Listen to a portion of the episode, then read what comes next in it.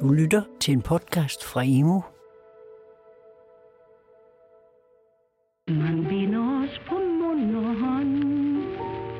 Den 9. april 1940 blev Danmark besat. tidligere om morgenen, der hørte vi jo flystøj udenfor. Og så ser vi de her fly, der kommer over hustagen. Meget, meget lavt. Jeg var helt bange for, at de kunne tage skorstenen med. Jo ikke? Altså, de var fløj meget lavt. Og det kunne jeg jo ikke lide. Pludselig kunne man se tyske soldater i byerne og tyske køretøjer i landskaberne. Fra dag af blev danskernes hverdag forandret.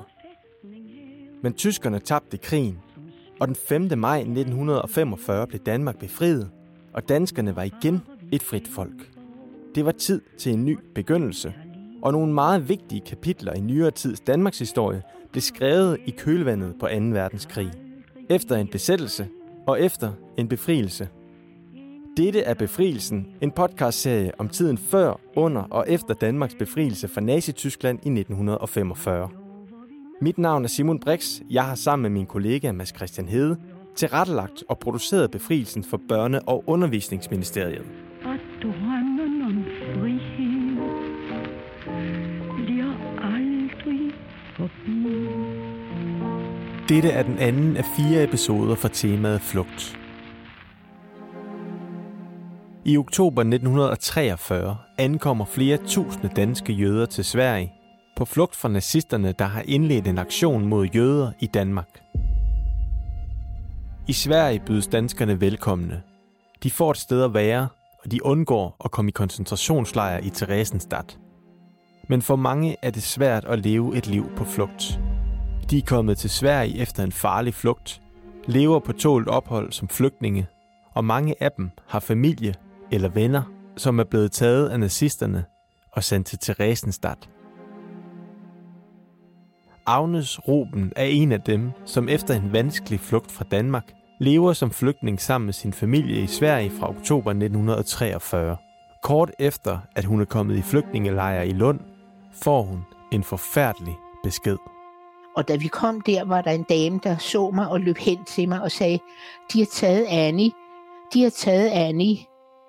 Annie var hendes datter, og Annie var min klassekammerat, og Annie var også 12 år ligesom mig.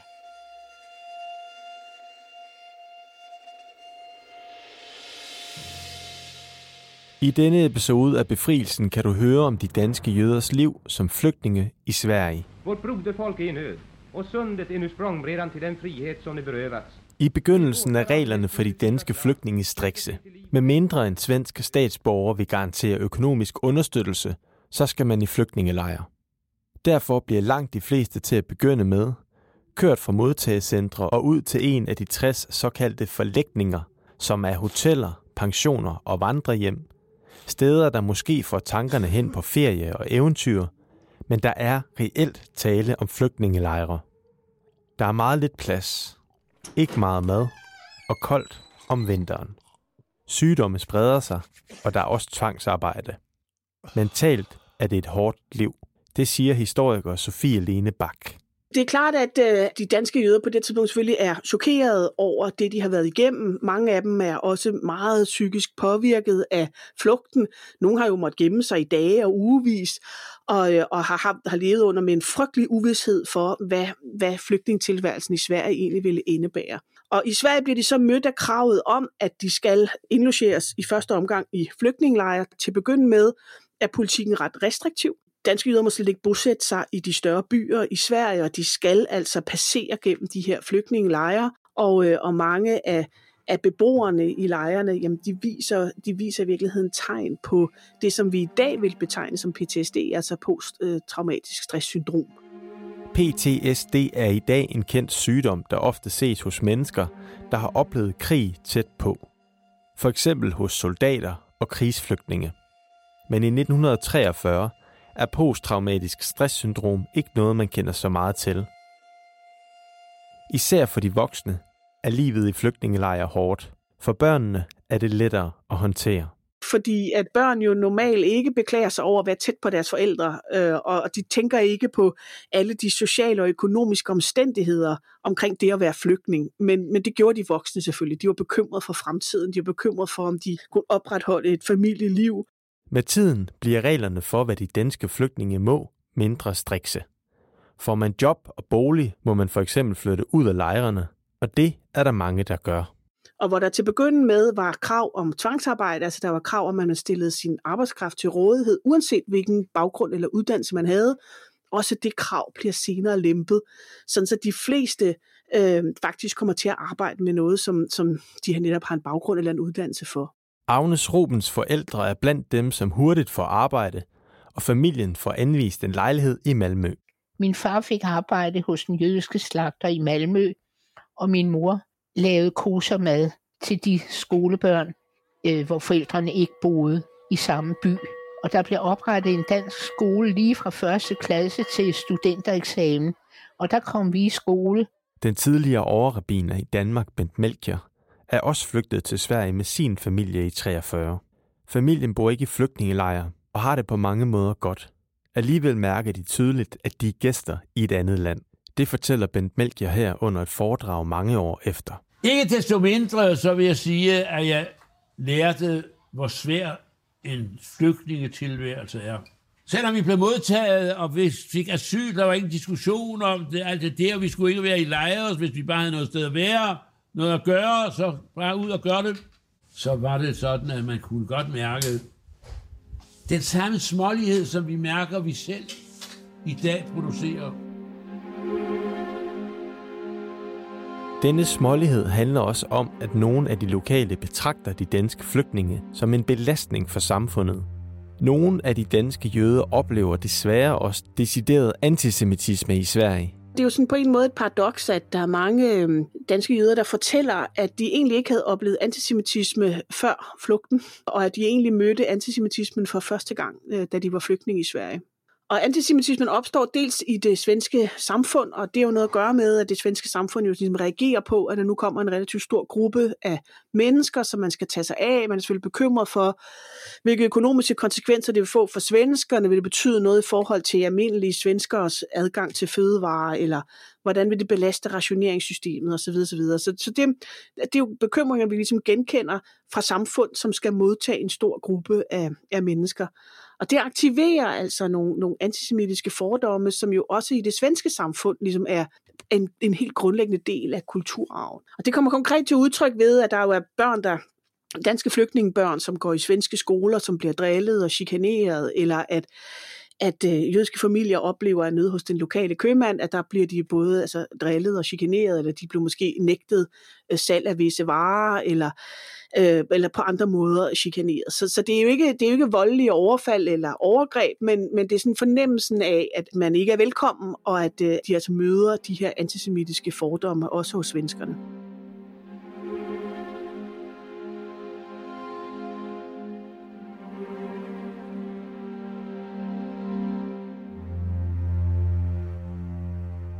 Det er ikke kun jøder, som flygter til Sverige under besættelsen. Slet ikke. Da krigen slutter, er der 20.000 danske flygtninge i Sverige, hvoraf ca. 8.000 er jøder.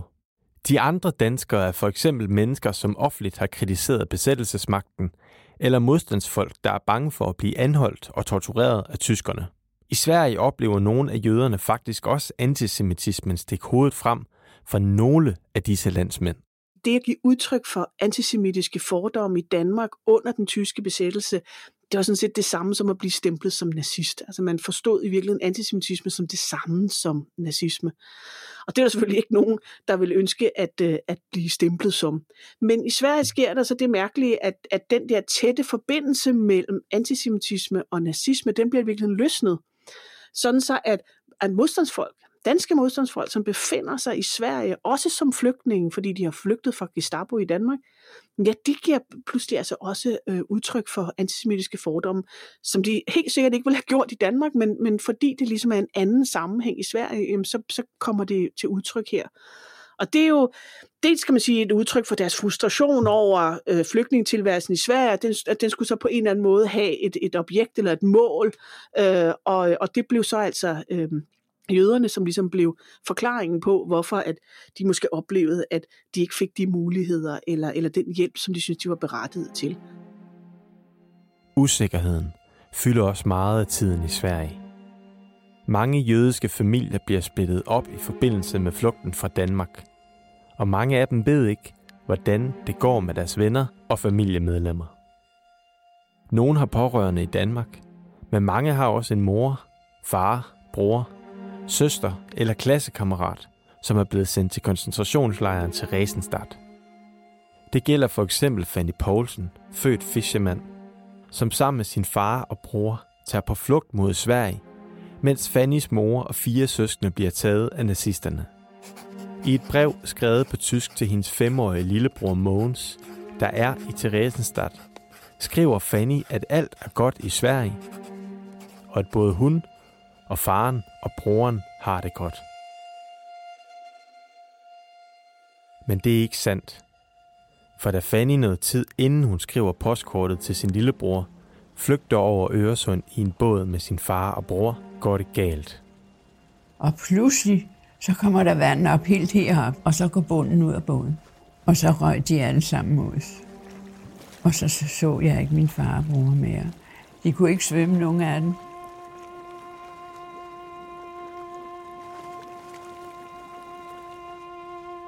Men min far, han sagde til mig, kan du se, hvor det, der, der er kun én stjerne på himlen i dag.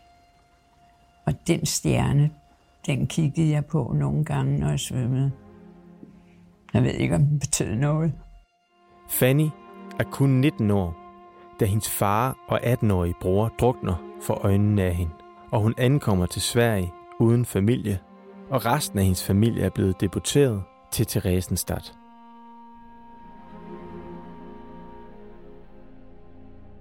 472 danske jøder bliver taget af tyskerne i efteråret 43, fordi de ikke når at flygte. I stedet bliver de sendt til Theresienstadt, som er et uhyggeligt sted. Mange mennesker dør af underernæring og sygdomme i lejren, og livet i fangeskab betyder at leve under frygtelige vilkår, konstant sult og uden at kende skæbnen for sig selv, sine børn, sine venner. Men hvis man skal få øje på lyset i den mørke historie om de danske jøder, er det, at langt de fleste undgår den grumme skæbne og bliver deporteret til gaskamre i andre koncentrationslejre. Hvad Agnes, Fanny og de andre danske flygtninge i Sverige ikke ved, er, at langt de fleste danske jøder, på grund af et politisk spil, bliver beskyttet af de danske myndigheder og overlever deres tid i Theresienstadt. For langt hovedparten af de fanger, der er i lejren, der bliver det også en transitlejr. Så det bliver kun en overgang, at de opholder sig i lejren, og bliver altså fra Theresienstadt deporteret videre til udryddelseslejrene i Østeuropa. Men det gælder så mm, vel og mærke ikke for danskerne, fordi der foreligger en konkret aftale om, at de danske jøder, der er deporteret til Theresienstadt, de skal ikke deporteres videre til udryddelseslejrene igen er det fra tysk side et forsøg på at holde en god relation til danskerne. Altså de danske embedsmænd og politikere, de blev ved med at bide sig fast øh, i, i, i forhold til, til, til fangerne i Theresienstadt. De vil vide, hvor de er henne. De vil vide, hvordan de har De vil vide, hvor mange der lever, og hvor mange der eventuelt er døde. Og tyskerne er klar over, at der er altså den her opmærksomhed og fokus på fangerne. Og det er altså også derfor, at man, at man beslutter sig for, at sikre, at de danske jøder ikke bliver deporteret videre, for man ved, at det vil udløse protester og ballade hos, øh, hos danske politikere og embedsmænd.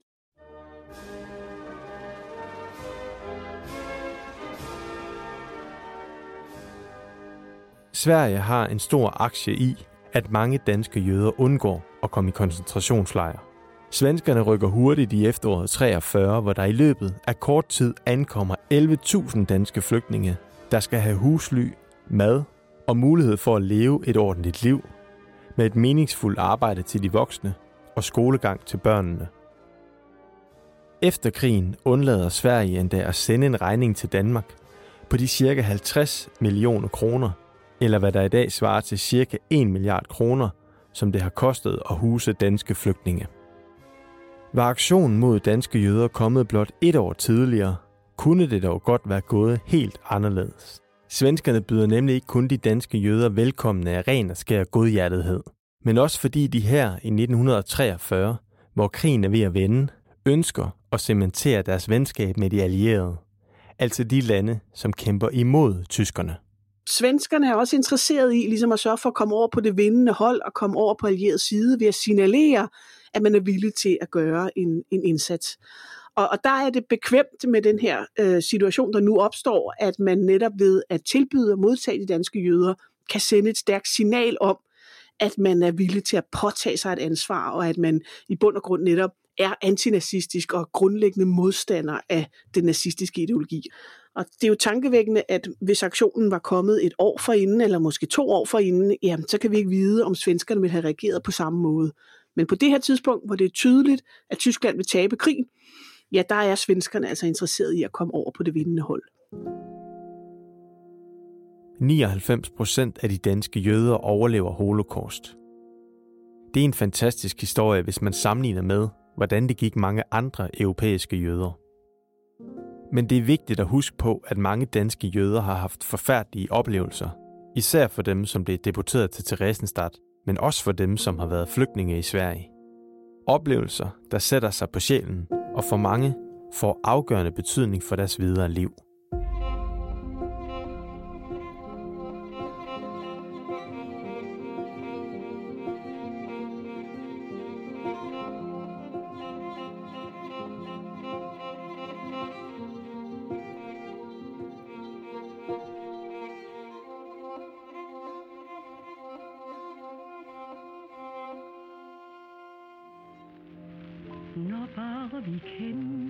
Dette var den anden af fire episoder om temaet flugt.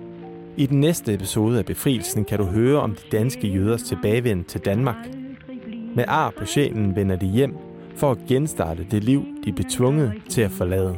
Den gruppe, der vender hjem fra Sverige, hvor de har været flygtninge, er jo også psykisk belastet af det, de har oplevet. Find alle episoder af podcastserien Befrielsen i din podcast-app. Søg efter Befrielsen og fortsat god lytning.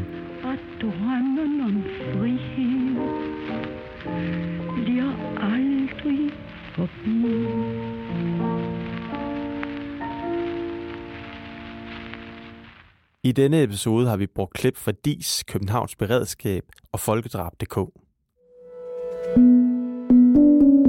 Du har lyttet til en podcast fra Emo. Find mere viden på emo.dk.